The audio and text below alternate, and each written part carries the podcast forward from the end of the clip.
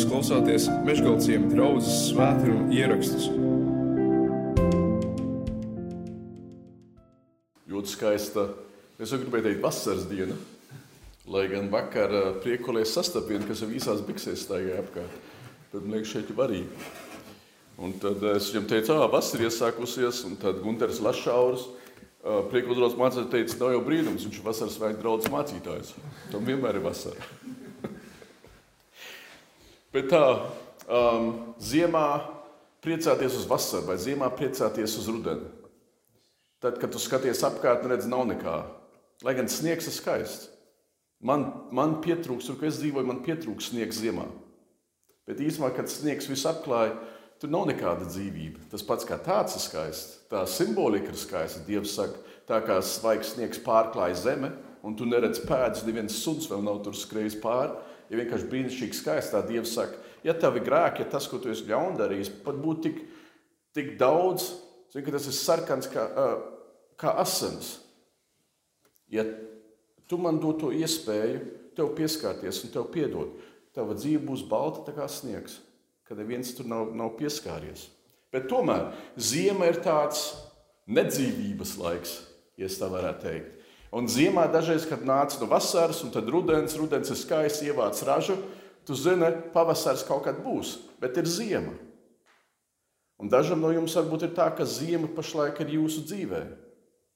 Kad tu zini, varbūt kaut kas skaists ir bijis, tu cer uz kaut ko skaistu, kas vēl nāks, bet tas vēl nav. Tev ir ziema. Lieldienas sestdiena ir tāda ziema. Vakar mēs pieminējām lielo piekdienu. Jēzus Kristus tika krustā sists. Lieldienas svētdiena vēl nav pienākusi. Lieldienas svētdiena ir tas, tā lielā diena, kad mēs manām to, kas Dievam ir par spēku, ka Viņš mirušos var celt augšā, ka Viņi ceļās augšā jaunai dzīvei un ka Jēzus Kristus, Dieva dēls, piecēlies no mirušajiem ir patiešām Dieva dēls un ir patiešām pestītājs. Tā ir lieldienas svētdiena, bet tā šodien vēl nav. Šodien ir lieldienas sestdiena, šodien ir ziema. Maiņas, ja, ja, ja latviešu valodā tas, tas ir tas termins, es neesmu drošs. Change management, maiņas managements. Kā notiek maiņas cilvēku, cilvēku dzīvē? Parasti saka, tā ir Tu esi vienā punktā, un ar tevi ir skaisti vai kaut kas tāds. Iet ļoti labi. Un tad notiek kaut kas, ka tu atsvešinies. Kaut kas tu dzīvo gan, bet tu man kaut kas, kaut kas nav pareizi. Un tu man tās lietas, kas tev bijušas, tās lēnām brūk. Vai no ārējā apstākļa tā apsēžās otrādi, ka tu vairs neesi mājās, tur, kur tu esi. Ja tu pats lēnām mani tādu, tādu atsvešināšanos, un tu man kaut kas ne, liekas, ka smilti, zini, kaut kur tajā visā tajā mehānismā, ka zini, kaut, kas, kaut kas nav pareizi. Tas ir tas viens posms. Tas, tas, tas, uz kā mēs tiecamies, ir īstenībā tas otrs posms, ir tas pavasaris, ir tā jaunā dzīve. Šis tev vairs nav. Īstenībā tu ilgojies pēc tā labā. Tu ilgojies varbūt, varbūt savā profesijā, ka tu beidzot zini tikt no šī darba lauka, no šī, no šī šefa prom un tu nonāc tādā vietā, kur tev vērtē augstu. Varbūt savā ģimenē, varbūt savā, ko tu man ap tevi apkārt, ka tu gribētu nonākt tādā vietā, kur cilvēks skatās uz tevi un redz, o, tu esi vērtīgs, ar tevi es gribu būt kopā. Ja tu man saukt par, par savu draugu, es būtu laimīgs. Zin, mēs gribam nonākt atkal tādā vietā, bet starp šiem diviem punktiem, starp šiem diviem poliem ir tā tukšā teritorija. Ir tā zima. Tas vairs nav. Šeit tu vēl neesi. Bet tagad tu esi šeit starpā. Kas tagad notiek? Iedomājies mācekļus Jēzus laikā ar Jēzu. Jēzus jau sev tā apstiprināja. Ja tu lasi Marka evaņģēliem caur, tas jau ir tā, Marks jau tā raksta, ka tu varētu saprast, ka tas, kas ir Jēzus Kristus, ka viņš patiešām ir Dieva dēls. Viņš sāk ar to un saka, skaties, tā viņš dzīvo. To viņš teica, pasies, viņam ir varas pār slimībām. Viņš var slimus dziedināt. Viņam nav tikai varas pār slimībām, viņš ir ārā jūrā un tā krāts kā dūle pieredzējušiem zvejniekiem ir bailes, ka viņi neatnāks vairs mājās, un viņš pieceļās un saka, miers. Un tūņās vienā brīdī jūrā iestājās miers. Un kas ir bijis uz jūras, tas jau zina, vējš var tūņās apstāties. Bet jūra taču ne viņa, taču ir, zini, tas ir tāpat, ja tu iekāp vannā un tu sakustini to ūdeni. Tie, tie pat vannā tie, tie viļņi iet no vienas puses uz otru pusi. Paiet savs laiks, kamēr ūdens noremst. Un šie pieredzējušie zvejnieki bija pārsteigti, ka Jēzus teica, lai miers ir, vējš apstājās, bet jūra arī bija tūņās klusa un rāma. Viņš dziedināja spitālīgos, tos, kurus tajā laikā teica, spitālīgais bija tas, bija Covid, bet desmit reizes sliktāk. Viņam nebija tikai maskas uz sejas, ka uh, vienam spitālīgam vajadzēja vai nu zvaniņas pie viņa drēbēm, lai mēs varētu dzirdēt, ka nāk kāds ap stūri. Un, ja viņam nebija zvaniņa, tad viņam vajadzēja staigāt un bļaut nešķīst, nešķīst. Jo toreiz nebija nekādas medicīna, kas varēja viens spitālīgo, ādas slimību spitālīgo izdziedināt. Tiem vajadzēja ne tikai maskas nesāt, tie bija izstumti no sabiedrības. Viņiem vajadzēja citiem likt zināt, ka viņi nāk pa ceļu, lai mēs var, no viņiem varētu izbēgt. Un Jēzus pieskarās tādam. Un viņš izdziedina vienu neizdziedināmo. Un tad viņš pat pieceļ lāceru no nāves, vienu mirušo. Viņš savā dzīvē parāda to, ka viņš patiešām ir vairāk kā cilvēks, ka viņam ir spēks un vara arī ne tikai pār dabu, ne tikai pār slimībām, ne tikai pār nāvi, bet ka viņam patiešām ir arī vara mums dot mieru mūsu sirdīs.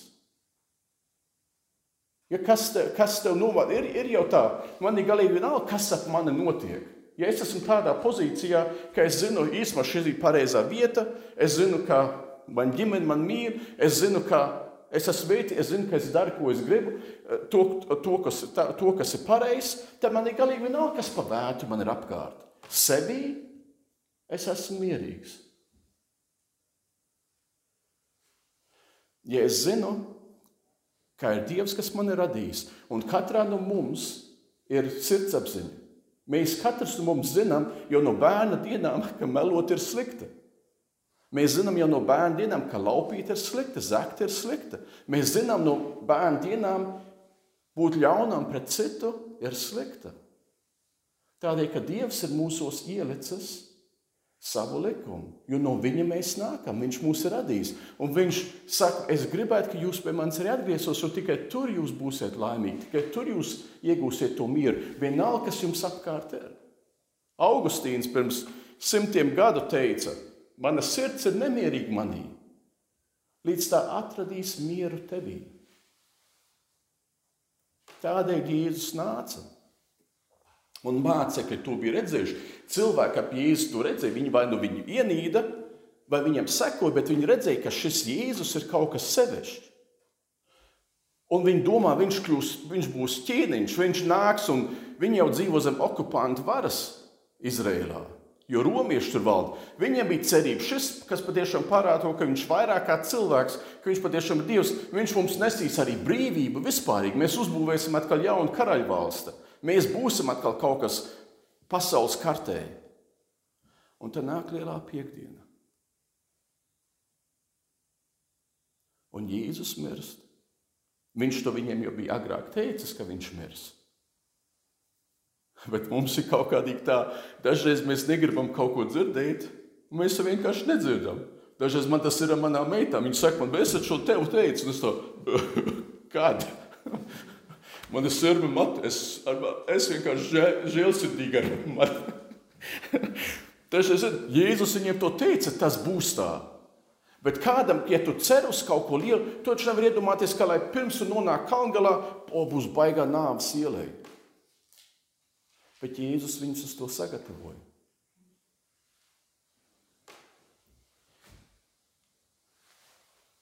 Viņa cerēja uz kaut ko lielu, un tad nāca lielā piekdiena. Un tas, uz ko viņi cerēja, tas ir piesist pie krusta, mirst, viņi ieliek kapā un klusums. Ko tu dari tagad? Tu ceri īstenībā uz kaut, kaut ko citu. Ja tu, ja tu esi, tu jau esi Dieva radīts, es uzmetu tev jau arī vīriešanās pēc labas dzīves, vīriešanās pēc tā, ka tu atrod kaut ko, kas tev patīk darīt, ka tu ar savām rokām vai ar savu, saviem vārdiem, saviem darbiem paveiks kaut ko. Zini, Latvija būs savādāka, labāka vienkārši tevs dēļ. Bet tu no šī punkta tu nezini, kā tur nonākt.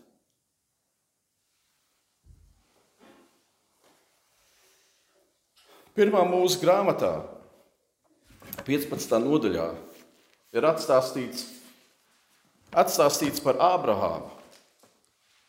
To sauc par vienu no, no ciltstēviem, jo, ja mēs, ja mēs sakām, Jēzus Kristus, tas ir īstenībā Dievs sāk, sāk savu stāstu ar mums ar vienu ģimeni, ka viņš izvēlās vienu ģimeni un ar tiem seko, ar, tie, ar tiem iet līdzi, un no tās ģimenes nāk mums svētība. Un, un pirmā mūsu grāmatā, 15. nodaļā, um, pirmais pants teikts, pēc visa tā Ābrāmam redzējumā nāca tā kunga vārds. Nebīsies, Ābram, es tavs vairogs, jo tava alga ir liela. Dievs dod Ābrahamam vienu milzīgu apsolījumu. Toreiz jau bija tā, bērni bija veselības apdrošināšana, bērni bija pensijas nodrošināšana. Kuriem bija bērni, tiem laimējās. Jo tie tā, tā kā, tā kā tas uh, lat, latviešiem jau arī tāds teiciens, tāds pantiņš ir, ka viens vīrs iet uz maiznīcu, man liekas, viņš nopērk. Viņš nopērk piecas maizes. Viņam prasa, ko tu pēc tam ar piecas, piecas maizes klaips. Viņš saka, nu, tas ir pagātnē, tagadē un nākotnē. He, ko pagātnē, tagad nāk? Viņš saka, divas maizes maniem vecākiem. Viena maize ir mana, manai sievai, un divas maizes ir maniem bērniem. Es atmaksāju saviem vecākiem to, ko viņi pagātnē priekš manis darījuši. Mums vajag maizi šodienai, un ar to, ko es dodu saviem bērniem, tas ir manai nākotnē.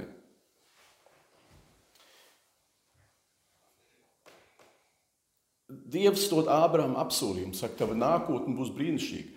Bet tajā brīdī viņam nav ne mazākā bērna. Viņš un Sāra ir vieninieki. Viņi ir bagāti, bet viņiem nav ne mazākā bērna. Un Ābrams otrā pantā Ābrams teica, Kungs, Dievs, ko tu man dosi? Ja, tā kā Ābrams saka, ko man dod tavi apsolījumi? Man nav neviens, kurim es to varētu nodot tālāk.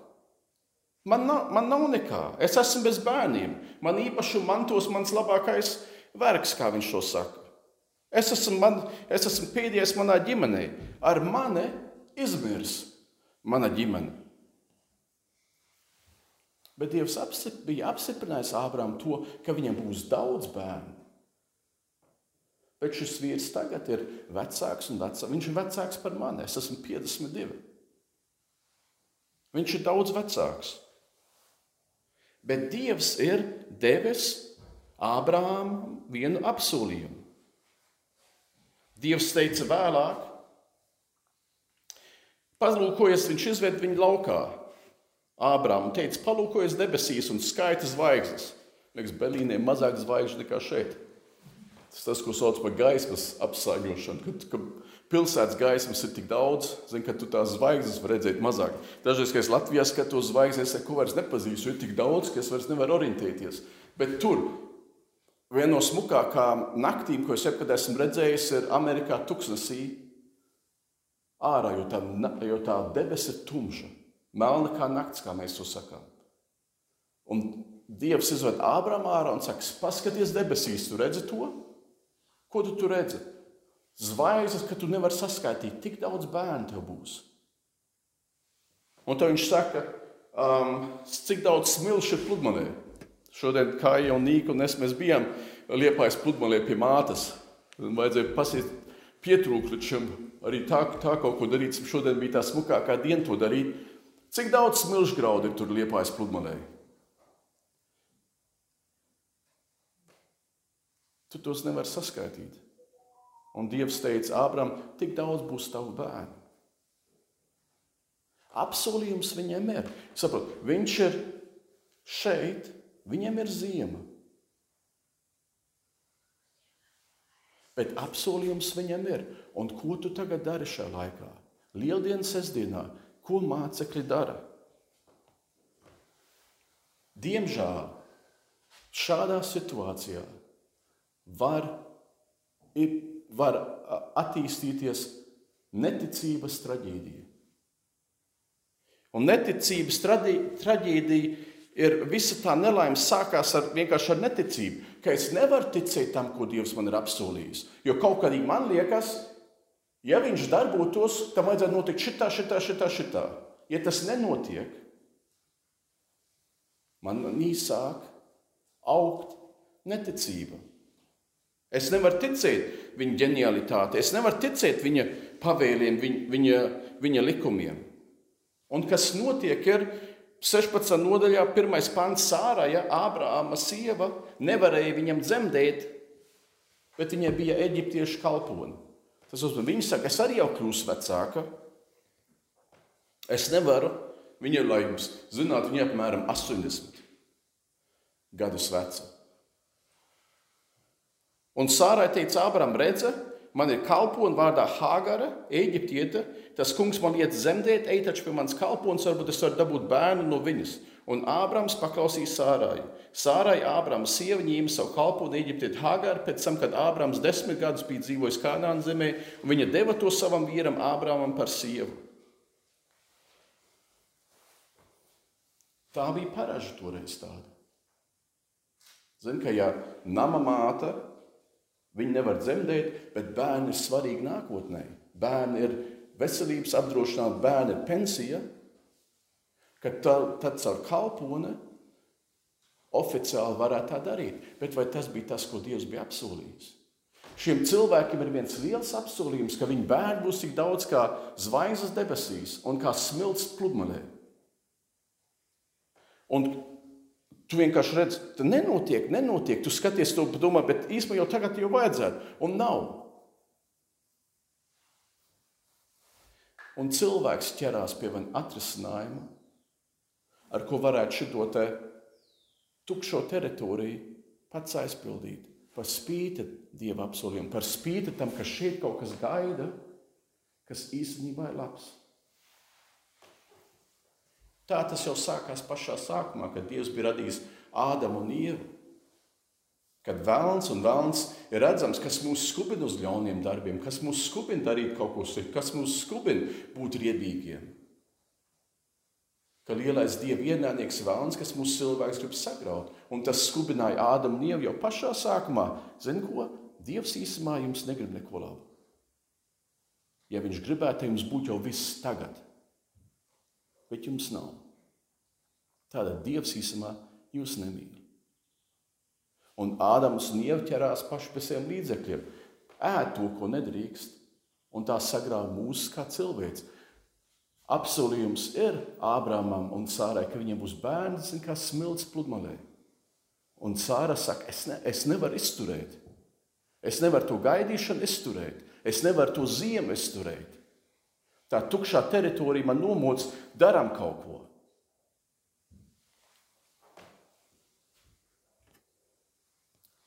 Tā problēma ar, ar visu šo, te, šo situāciju ir, ka mums cilvēkiem ir tā, ka mūsu prāts vienmēr attaisnos, ko mūsu sirds ir izšķīrusi.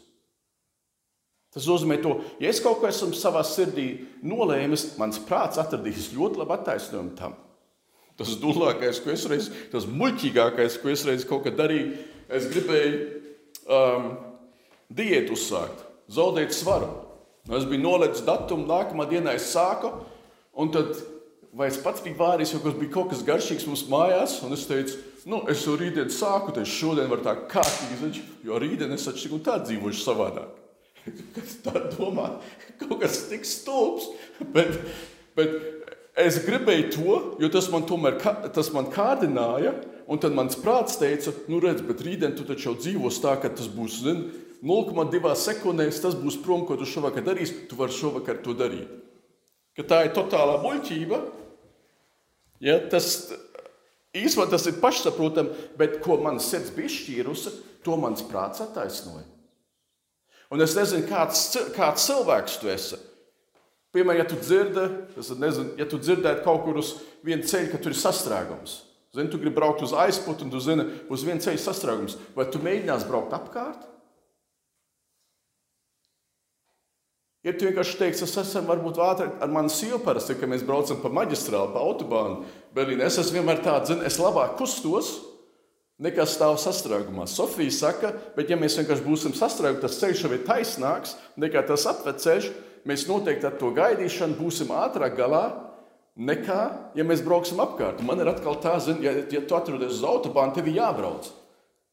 Es labāk kustos, vai nāk, cik ilgi tas iet, nekā gaida. Bet dažreiz, kas ir, kas ir pareizi, Un ne tikai dažreiz ir tas, kas rakstīts, kas ir rakstīts psalmos, piemēram, 46. psalmā, 11. pantā. Ir teikts, Dievs tur saka, rimstiet. Tas nozīmē mierīga, nomierināties, nomierinieties, esiet klusi, rimstiet un ziniet, ka es esmu Dievs augstu pār tautām augstu pār zemi. Dievs saka, es taču esmu, es valdu, es radīju. Es jums esmu kaut ko apsolījis, es to turēšu, un starp laikā iztur, gaida. Esi mierīgs, jo es esmu.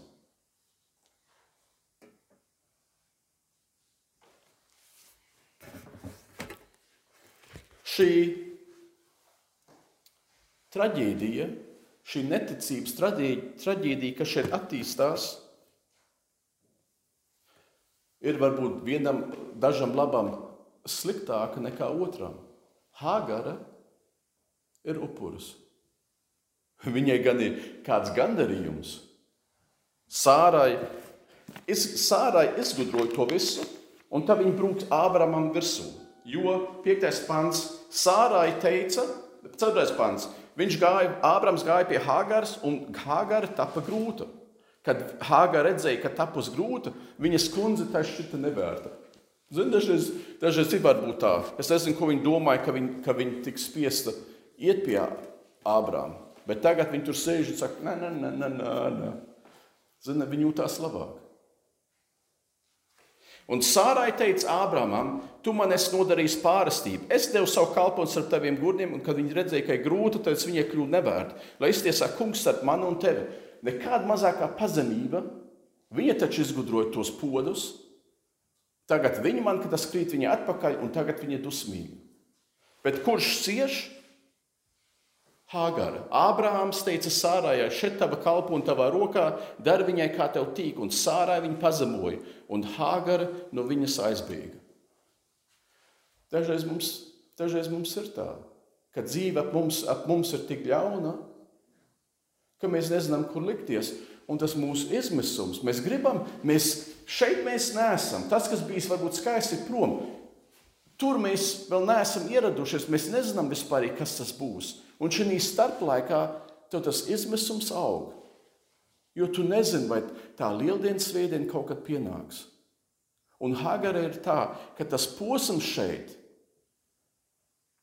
viņai ir tik ļauns un tik riebīgs, ka viņa bēg. No tiem, kas viņai dara pāri, no tiem, kas, kas dara viņai, viņai, viņai ļaunu.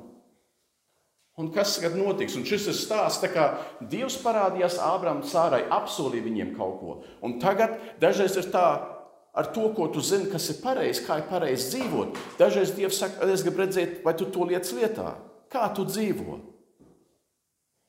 Saprotu, vai tu turies pie tā, kas ir. Un tādai Bībelē ir, ir, ceļš vecā derībā, tie ir stāsti par cilvēkiem. No tiem cilvēku stāstiem mums jāizprot, kas ir pareizi, kas ir nepareizi. Ābrams Sārā ir baigais apsolījums. Ja Dievs ir kāds man otrs klāt un teikt, manas meitas man darīs par tautu tēvu, man, man nav tāds. Ābrams Sārai bija. Un tagad, kad tas apsolījums ir dots, tagad kā attīstās viņa dzīve, Ābrams un Sāra te netic tam apsolījumam. Un Hāgara nonāk zem riteņiem. Viņai brauc pāri, un viņa bēg. Un tagad atkal, kad viens cilvēks ir tādā izmisumā, Dievs parādās 7. pantā, bet kunga eņģelis viņu atrada pie ūdens avotu tuksnesī ceļā uz šūru. Un viņš teica, Hāgara, sārais kalpo, no kurienes tu nāc un kur tu ej? Un viņa teica, es bēgu no savas kundzes sārais. Tā kunga eņģelis ir viens termins vecā derībā, par ko mēs pieņemam, ka tas ir Jēzus Kristus pats Dieva dēls, kas jau, toreiz, kas jau toreiz parādās. Jo kad viņš runā, Normāli eņģeļi, ja kā, jo viņi jau arī ir varenas būtnes, kad viņi runā un cilvēks grib viņu pielūgt, tie eņģeļi vienmēr atklāja pielūgšanu, jo viņi saka, tikai dievam pieder pielūgšana. Tikai viņu tu drīkst pielūgt. Tā kunga eņģelis, šī persona pieņem to pielūgšanu un runā tā kā dievs kungs pats. Tas var būt tikai Jēzus. Un viņš atrod Hāgaru viņas izmisumā, un viņš jau prasa, no kurienes tu nāc un uz kurien tu dodies. Tas labais jau Dievam ir arī tas, es nezinu, vai tev no viņa ir bailes, es nezinu, kādā izmisumā tu esi. Es nezinu, vai tev ir bailes, ka tu liksies, ja tu nāks viņu priekšā, izteiks viņam savus bērnus, Dievs teiks, ko tu zini, it kā tu nezinātu. Dievs parādās šeit, viņš vienkārši prasa Hāgarai, no kurienes tu nāc un uz kurien tu dodies. Kad Elija savā izmisumā arī skrēja uz tuksnes, lai tur mirtu. Kā Dievs viņam parādījās? Dievs negaidīja un teica, es tev taču tev apsolīju, tu nu, patās, tev bija tāda uzvara manā vārdā. Ko? Zini, kas, tev, kas par problēmu ar tevi? Zini, nākamreiz es būtu labāk ņēmis savu kaimiņu. To Dievs nesaka. Dievs parādās Elijam un prasa, ko tu šeit dari? Dievs žēlsirdīgi apietās ar mums ka mums nav jābaidās no viņa vai no viņa uzbrukuma, bet ka viņš parāda, pienāk pie mums, prasa, no kurienes nāc, uz kurien tu dodies.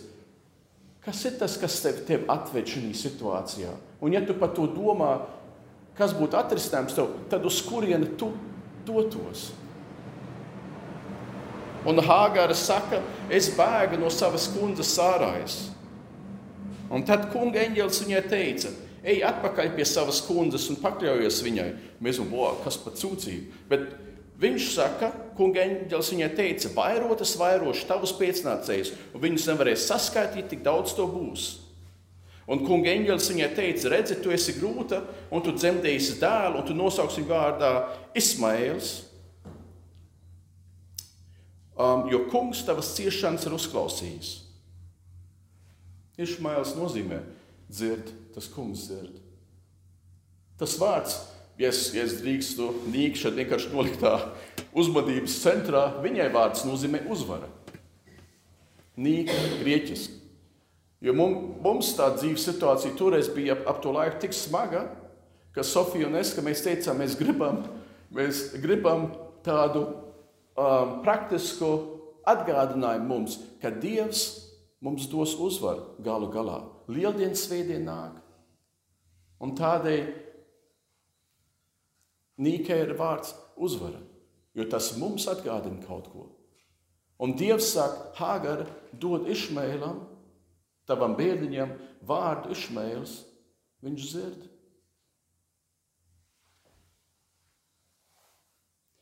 Un tad viņš to dod vairāk solījumu. Viņš Išmēls būs cilvēks kā mežēzelis, viņa rokā pret visiem un visu roku pret viņu, un visiem saviem brāļiem viņš iepratī metīs. Tas uzmešs būs paigais. Viņš būs viesuļvētra, ne, ne, ne cilvēks. Un tad kungu, kas uz viņu bija runājis, Hāgara nosauc vārdā, tu man redzējumi dievs, vai citiem vārdiem dievs, kas mani redz. Ja viņa teica, vai tad ne šeit es redzēju to, kas redz mani, un Hāgara dzemdēja to bērnu, Ābrāmu. Neticības zin, pretpols, neticības traģēdijai ir tas, ko Dievs mums ir apsolījis. Ja mēs ejam Jeremijas nodaļā, uh, Jeremijas grāmatā, 29. nodaļā, 11. pants, man liekas, daudz no jums to pazīst. Es zinu savus nodomus, ko es jums esmu iecerējis, saka kungs. Miera nodomus, ne ļaunus. Es došu jums nākotni un cerību. Mēs domājam, oh, super, kas par smukiem vārdiem. Tie ir smuki vārdi. Bet tie parādās vienā vēstī, kur Dievs saka, tādēļ, ka jūs esat mani atstājuši, jums būs grūti. Es jums teicu, neatstājiet mani. Bet jūs esat atstājuši, un jums notiks tas, tas, tas un tas. Bet gal galā viņš saka, bet mani plāni priekš jums ir dot jums cerību, dot jums labu nākotni. Tas ir, man, tas ir mans plāns. Jūs izgāzāt podus, jūs paši zin, redzat, kas jums pa sekām ir. Bet, ja jūs pie manis atkal atgriezīsieties, mani plāni priekš jums ir īstenībā dot jums nākotni un dot jums cerību. Šeit jūs esat prom. Šeit jūs vēl neesat nonākuši, bet atcerieties to, atziniet to, ka īstenībā es jums gribu dot labu nākotni. Tas ir mans mērķis. Mateja 6. nodaļā, 3. pantā ir dots liels apsolījums. Tur ir teikts, meklējiet vispirms Dieva valstību un viņa taisnību, tad jums viss pārējais tiks iedots. Nav daudz, tas ir varbūt grūti, bet mums nav daudz noteikti apsolījumu, ko Dievs ir devis. Viens no tiem ir, ka Viņš par mums rūpēsies, ka mums ir iztika. Un es domāju, ja mums ir grūti, man liekas, tas tas ir Es labāk ceru uz cilvēkiem nekā uz Dievu, jo Dievs man liekas, kaut kādā veidā tādu nezina. Viņš atbildēs, labāk ir, es runāju kādu konkrētu prasību, viņš man nevar kaut ko aizot. Bet Dievs ir teicis, ja tu dzenies pēc manis un pēc manas valstības, es tev visu došu, ko tev vajag. Sālamans, varenākais ķēniņš, visā valdībā, viņš saka, nav bijis tik krāšņi ģērbs, kā kāda puķa tur ārā, ko mēs rudenī novācam, sadedzinām, un viņi vairs nav. Dievs saka, zvirbuļu gaisā, kurš par viņiem rūpējās, es par viņiem rūpējos. Un tu esi vairāk vērts kā viens zvirbulis. Tad es par tevi vēl, vai, par tevi vēl vairāk rūpējos. Un tas jautājums, tad, ko mēs tad darām? Īstenībā tas mūs dzīvo pie lūkšanas. Ka, ja mēs zinām, ka Dievs mums ir devis apsolījumu par mums gādāt, tad īstenībā mēs zinām, pie kur mums jāiet mēs tad lūgtu vairāk. Mēs tad sekot viņam vairāk. Es nezinu, vai jūs viņu vēl pazīstat pēc vārda mācītājs. Man liekas, viņš bija Jālgavā pirms devās kā bēglis uz, uz, uz rietumiem otrā pasaules kara laikā, kas uh, Bridge Builders International partneri, tā organizācija, tas viņa mazdēls, Čaks Kelijs. Kārls Zingers tā teica, viņš dzīvoja no tā, ka viņš dievam izteica to, ko viņam vajadzēja, un Dievs par viņu gādāja. Georgs Millers, bāriņtēvs Anglijā. Tas vienmēr tas nestāstīja cilvēkiem, ko viņiem vajag, bet viņš ar tiem bāriņiem vienmēr lūdza un teica, Dievam, mums to un to vajag. Tur ir liela brīvība. Tu vairs neesi atkarīgs no cilvēkiem. Tā problēma ir, ja tev kāds cilvēks dod naudu, tu jūties viņam parādnieks. Jo viņš jau to ir devis, varbūt arī esi parādnieks. Ja tu lūdz to dievam, jā, tad Tu no Dieva tu esi saņēmis, bet tu nevienam cilvēkam neesi parādnieks. Un tas funkcionē tā. Man pašam, es pēc tā ilgojos pēc tāda veida dzīves. Man ir bailes tā dzīvot tā, bet es zinu, ka tas funkcionē. Kārls Zingers tam ir labākais piemērs. Hudsons Taylors, Ķīnas misionārs, ir labākais piemērs tam. Stevens Olfords ir labākais piemērs tam, kurš, kad viņš studēja teoloģiju Anglijā, viņam bija vienu semestri jādzīvo tikai no tā, ko viņi izlūdz no Dieva. Dūlis, domā, kas par dūlu semestru uzdevumu? Bet ar to viņi šiem jauniem cilvēkiem mācīja to, ka uz Dievu tu patiešām vari paļauties savā ikdienā. Ka viņš ir un ka viņš rūpēs. Jo nav daudz tik konkrēti apsolījumi, kā to es par jums rūpēšos. Sekotu man, un es taču zinu to visu, ko tev vajag. Kā draudzēji, tas nozīmē, ka mums ir kāda vajadzīga, mēs sanākam kopā un mēs lūgtu par kaut ko. Dažreiz tas ir, tas ir grūti, to es pilnīgi saprotu. Un tu, un tā, tu dzīvo tā neziņā, bet Dievs ir devis savu apsolījumu par tevi rūpēties. Tieši arī tajā dzīves laukā.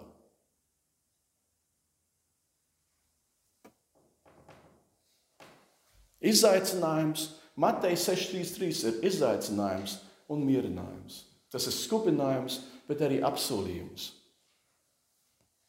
Bet tā neticības traģēdija, ka viņi attīstījās, kad cilvēki teica, es nevaru paļauties uz to, ko tu esi teicis, parādījās Dieva klātbūtnes mierinājums, ka Dievs sekoja, gāja Hāgarai pakaļ un uzrunāja viņu. Un prasīja, ko tu šeit dari? Un Hāgara redzēja, ka šis Dievs ir patiešām Dievs, kas mani redz. Un šis ir tas pats Dievs, kas arī tevi redz. Tavos izaicinājumos es apzinos, ka nav nekāds viegls atrisinājums tavām dzīves problēmām, bet es zinu, ka šis Dievs ir patiesa. Ka šis Dievs tevi redz un šis Dievs tevi dzird. Un šis Dievs tev grib tuvoties tavos izaicinājumos, tavā izmisumā. Tā kā Jēzus teica, jūs, kas esat grūtsirdīgi, jūs, kas kaut kas nomāc, nāciet pie manis, jo mana nasta ir viegla, mans jūgs ir viegls, jūs varēsiet viegli panest, jo es esmu tas Dievs, kas lielā piekdienā atdeva savu dzīvību par tevi un augšām cēlies. Ja tu uztic savu dzīvi man, es esmu tavs dievs, es esmu tavs kungs, es esmu tavs tētis, es par tevi rūpēšos. Tā problēma ir, ko mums vajag. Mums vajag starplaikā, ja tu šeit vairs nesi, un tu ilgojies, ja kaut kas ir tāds, un tu, es, tu negribi šeit būt. Un tu ilgojies pēc kaut kā, kas tur ir, un tu esi šeit vidū. Ko no, kas no tevis ir prasīts? Izturība vai arī pacietība. Redz, Ābrāms bija 85 gadu vecs, kad Dievs viņam deva to apsolījumu. Ābrāms bija 86 gadu vecs, kad Ismēls viņam piedzima. Un Ābrāms kļuva 99 gadu vecs, tikai tad Dievs deva viņam īzāku. Vēl 13 gadi, un tie 13 gari gadi Dievs dažreiz tā dara, ka gaida līdz pēdējiem brīdim, jo tad mums ir skaidrs tikai Viņš. Dažreiz Viņš dod ātrāk. Tas, tā ir Dieva žēlstība, bet kas ir, kas ir skaidrs priekš mums visiem, ir Dieva apsolījums, ka Viņš saka, es šeit nē, šeit nē, bet es tev sagaidu šī galā. Un viņš izaicina mūs uz viņu paļauties, viņš izaicina mūs runāt ar viņu, viņš izaicina mūs vienam pašam un kopā lūgt. Jo Dievs ir devis savu solījumu, ka Viņš par tevi gādās. Un psalmi mums māca, tad pienaglo Dievu pie viņa apsolījumiem. Ja viņš to ir apsolījis, tad runā ar viņu un tad prasa no viņa to, jo viņš to ir devis un viņš ir uzticams un taisns. Viņš turēs to, ko viņš teicis. Dzīvē ir vairāk arī, arī um, Bībelē vairāki tādi piemēri. Mūzus, zin, kad viņš kļuva par savu tautas glābēju, 80 gadu vecumā, kad mēs sakām, hei, es domāju, ka tev jau zārks ir pasūtīts. Viņš 80 gadu vecumā sāk un dzīvo vēl 40 gadus. Dievam neviens cilvēks nav par, nav par jaunu, vai par vecu. Un dažreiz viņš skatās uz mūsu raksturu, tā kā es saku, es būtu, es būtu gribējis pasauli pārmainīt, kad es biju 22 gadu vecs. Es visu laiku pasauli neesmu pārmainījis. Bet, ja man būtu bijusi tāda vara, tāds iespējas, es būtu baigais ķēmis. Citi cilvēki, Spērģents, 18 gadu vecumā, bija mācītājs milzīgā draudzē. Viņa raksturs bija savādāks. Kādēļ Dievs gaida, kādēļ Dievs saka, ne tūliņās, bet tev jāgaida. Priekš, es domāju, es, es būtu vēlējies to savādāk. Es būtu vēlējies, ka cilvēki nerunā par Billiju Grēmu, bet runā par Amadeju Vadoni. Bet man tas, man tas vienkārši nav. Un, ja skatos tagad atpakaļ uz savu dzīvi, es varu redzēt, kādēļ. Nenozīmē, ka es to nevēlējos, bet Dievs savā gudrībā zina to. Bet ko man vajag? Man vajag pacietību, man vajag izturību. Galatiešiem sastāvā nodaļā ir, ir teikts, 7. līdz 10. pāns ir teikts, nepievilieties, Dievs nekļūs par apsmieklu, ko cilvēks sēž, to viņš arī pļaus. To mēs saprotam. Zin, kas vētru, vētru pļausas negaisu, ne, kas vētru sēsas negaisu pļausu vai kaut kādīgi līdzīgi tā. To mēs vienmēr zinām, tu darīsi kaut ko sliktu, dabūs pa biksēm. Bet tas pozitīvais arī pareizs. Tu darīsi kaut ko labu, tu darīsi to, kas ir pareizi, tu saņemsi arī, tu pļaus arī tos augļus. Ko sēž savā miesā, tas no miesas pļaus posms, kā šeit teikts. Bet kas sēž garā, no gara pļaus mūžīgo dzīvību. Un tādēļ darīsim labu nepagurdami, jo savā laikā mēs pļausim, ja vien nepadosimies. Un tad, nu, kamēr mums ir laiks, darīsim labu visiem, īpaši tiem, kas ticībā pieder pie mūsu saimnes. Tas nozīmē, Dievs, Dievs saka, viņš, viņš to zina. Viņš saka, ir grūti dažreiz, bet nepagurst. Tādēļ jau arī draudzene, tāda ir sabiedrība, nu, sapulce. Ja tu būtu viens pats, tad būtu vieglāk uzdot. Tā kā es ar vienu no saviem draugiem Berlīnē, mēs uz lielas, lielā iepirkšanās ielā bijām un stā, gribējām cilvēkiem stāstīt par Jēzus, kā ielas evanģelizāciju, un tā dienā bija tā kā, zin, tā kā, nezinu, neviens man negribēja runāt, Es ar savu draugu biju sarunājis tā, viņš ir vienā ielas, otrā vienā pusē, un es domāju, tā var būt vairāk cilvēku. Es šajā ielas pusē, neviens man negrib runāt, un es domāju, ko es šeit daru, zinu, un bailes jau tik un tā ir. Un neviens man negrib runāt, un es jau teicu, es, es eju mājās. es un tad es skatījos ielai pāri otrā pusē un redzu, ka Detlevs tur staigā. Un tāpat mēģina ar tiem cilvēkiem runāt. Un man pēkšņi bija tāda, zina, tā apziņa, tas ir mans brālis. Otrā pusē Viņš cīnās tāpat kā es. Mēs abi esam kopā. Viņš dara un es daru. Un tikai tādēļ, ka viņš arī darīja, es paliku šajā pusē. Un es turpināju tādēļ, ka mans brālis ir man, ar mani kopā un mēs kopā cīnāmies. Tādēļ arī draudzene. Tu viegli, viens pats, tu viegli uzdotu. Varbūt ir vieglāk uzdot, jo tu izdomājies, ka varbūt ne, un, un tā, bet tad tev ir brāļi un māsas ap tevi. Un tu redz, kā viņi cīnās, un tu cīnies tieši tāpat. Bet, ja viņi cīnās, tad es arī cīnīšos. Un varbūt, ja tu esi tādā nāves ielā, kad neredz nekādu izēju, kad tur ir kāds, kas saka, ok, bet nāc, es esmu kopā ar tevi. Nāc, vilksim tos ratus ārā no tiem dubļiem. Un kad kādam citam iet slikt, tev varbūt iet atkal tik labi, ka tu saki, tu vari to palīdzēt. Tādēļ jau draudzene, tādēļ kopīgi viens pats tu pazudīsi. Neviens mums gan nekad nav vienmēr tik stiprs spērģens, ko es teicu, tas lielais, zina, ar, ar, ar gudrību, ar, ar izmaiņu, ar, ar joku izjūtu. Viņam bija, viņš visu savu mūžu cīnījās ar depresiju. Viņas prediķos tu to nemani. Viņš ir viens no tiem lielajiem varoņiem cilvēces vēsturē. Bet, kad viņam gāja grūti, Tad viņa sieva darīja to, ko, ko Kāja uzķēra kā ideju. Viņš varēja gulēt tikai gultā. Un tad sieva izrakstīja Bībeles pantus un salīmēja griestus virs viņa gultas, tā ka viņš gulēdams gultā varēja lasīt dieva, dieva vārdu un redzēt tur to cerību, un tur to apsolījumu, un atkal piecelties no tās gultas. Tev vajag tādu otru cilvēku. Mārtiņš Luters reiz bija tā, tā satriekts savā garā, ka tādā, depresi, tādā depresijā bija, ka viņa sieva sāk pat rūpēties, viņš uz neko nereaģēja. Tad viņa sieva, un tev vajadzīgs tā sadraudzība, viņa sieva sāk ģērbties melnās drēbēs. Zini, tā kā sērās. Un tas uzskata Mārtiņam Lutheram. Un viņš prasīja, kurš tad ir miris? Un Katrīna von Bora teica viņam, Dievs.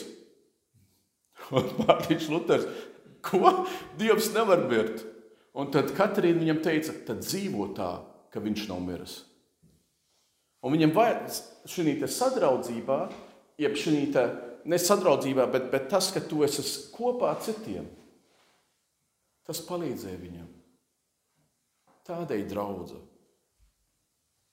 Paceliet nogurušās rokas vai ļanganos ceļus, kā arī ebreju vēstulē teikts. Ko Dievs ir teicis, to viņš ieturēs.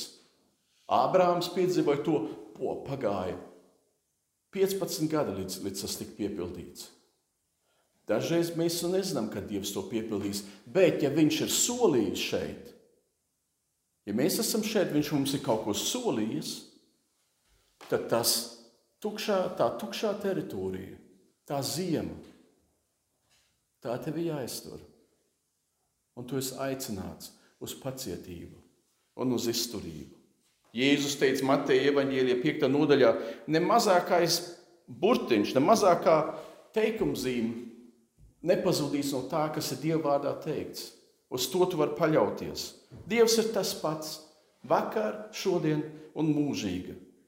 Un Ecehiela grāmatā, 36. nodaļā, ir interesanti, ka Dievs saka tautai, kas ir tā grēkā iestigusi, ka Dievs saka, bet jūs zinājāt, kas nāks, jūs zinājāt, ka, ka tas, tās sekas būs un, un jums ļauns notiks. Bet viņš saka, bet es jūs atkal celšu augšā. Un tad Dievs saka, Ecehila grāmatas 36. nodaļa, ne jūsu dēļ. Un tu domā, ko? Viņš saka, ne jūsu dēļ, bet pats sava vārda dēļ es jūs atkal celšu augšā. Jūsu dēļ mans vārds ir ticis apspiesti pasaulē. Bet pats sava vārda dēļ es jūs atkal celšu augšā, lai cilvēki zinātu, kas ir Dievs. Un tā lieldiena, tas, ka mēs sakām, pats sava vārda dēļ Dievs mūs neļaus iesikt tajā lielāk, lielākā nelaimē. Tas ir ekstrēmi izteikts, jo viņš mūs mīl. Ja viņš tevi nemīlētu, viņš nebūtu pat tevi miris lielajā piekdienā. Viņš tevi mīl, bet Dievs arī saka, bet tādēļ, ka mans vārds ir likts uz spēles, es izpildīšu to, ko es esmu solījis. Jūs esat šeit, Jūs gribat tikt tur, un jūs nezināt, kā šeit uzvesties, ko darīt. Bet Dievs saka, turies pie tā, ko tu zini, kas ir pareizi, kas ir manā vārdā, un es tev izvedīšu cauri. Ja tu vēl nekad neesi viņam tā uzticējies no visas sirds, Dievs saka, es tev paņemšu un es tev izvedīšu cauri. Tu redzi to, cik augsts es tev vērtēju, jo es miru par tevi.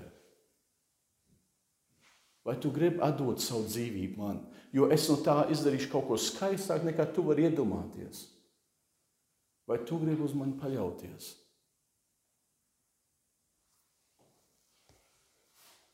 Dievs, kas man redz, Dievs nekad neņem atvaļinājumu. Un tā kā Evars sākumā, sākumā teica, vai tas ir labi, vai tas ir slikti, ka Dievs man vienmēr redz. Dažreiz tu vīlies, ka viņš neredzētu. Bet Dievs nav tas, zina, Orvela romānā 1984, tas milzīgais, tas lielais brālis, zina, kas skatās doto pa pirkstiem vai tā. Viņš zina. Viņa acīm nekas nav apslēpts. Ne pasaule ap mums, ne tu. Un Dievs Tēvs, Dievs Dēls, Dievs Svētais Gars Tas tev redz šodien un rītdien, un, un katru tavu dzīves dienu. Un ko viņš tev izaicina, ir turies pie tā, ko tu zini, kas ir pareizi. Ja tu esi izmesis, ir viens, kas tev redz, un tas ir Dievs. Ja tu savu dzīvi viņam nekad nodevis, es tev piedāvāju šodien to darīt. Jēzus teica, nāciet pie manis, jūs visi, kas esat grūtsirdīgi, kas vēlaties labu nākotni, kas esat šeit un jūs nezināt, kas būs, jo es jums došu labu nākotni, es jums došu mieru, es jums došu prieku. Bet tev ir jāspēr tas solis. Jēzus izaicina tevi, paļaujies uz mani, nāc pie manis. Lielā piekdiena sagrāva daudzas cerības. Lieldienas sestdiena ir tā diena, kad cilvēki nezina, kas būs, bet Lieldienas svētdiena parāda, ka tas viss, ko Jēzus teica, viss, ko Dievs ir apsolījis, ka tas notiks, un tā ir patiesība. Un tā vienkārši šovakar. Es neesmu varbūt pateicis to, kā tieši iegūst pestīšanu. Tie ir īstenībā divi viegli soļi, bet vienkārši tāpat tagad. Ja tu man savā sirdī to, ka tu īstenībā tu gribētu nonākt šeit, tu zini, ka kaut kas labāks, kaut kas smukāks uz tevi gāja, tu ilgojies pēc tā, un es tev saku, Jēzus Kristus ir vienīgais, kas tev to var dot. Un es tev paskaidrošu, ja tu iznāks priekšā, prasīs drosme tev. Bet ja tu iznāks priekšā, Mēs dziedāsim vienu, vienu dziesmu. Ja tu iznāc šīs dziesmas laikā priekšā, es tev palīdzēšu, tev neapkaunināšu. Es tev nejautāšu jautājumus, pastāst man savus noslēpumus, kaut kādu, bet es tikai paskaidrošu to, kā tu tieši vari var satvert Jēzu Kristu kā, pes, kā pestītāju. Un tava dzīve būs savādāka, tava dzīve būs cerības pilnu. Tu būsi kaut ko ieguvis, kas tev līdz šim vēl nav. Ja tu gribi nožēlot savus grēkus, jo tu esi to darījis, tu arī, arī var nākt priekšā šīs dziesmas laikā. Bet uzticies vienkārši Jēzum Kristum. Jo kā tu redzi lieldienās, kā tu redzi lielā piekdienā, viņš savu dzīvību deva par tevi, lai tev būtu dzīve un visā pārpilnībā tev tā būtu. Tā es tev lūdzu, nāc, ja tu gribi.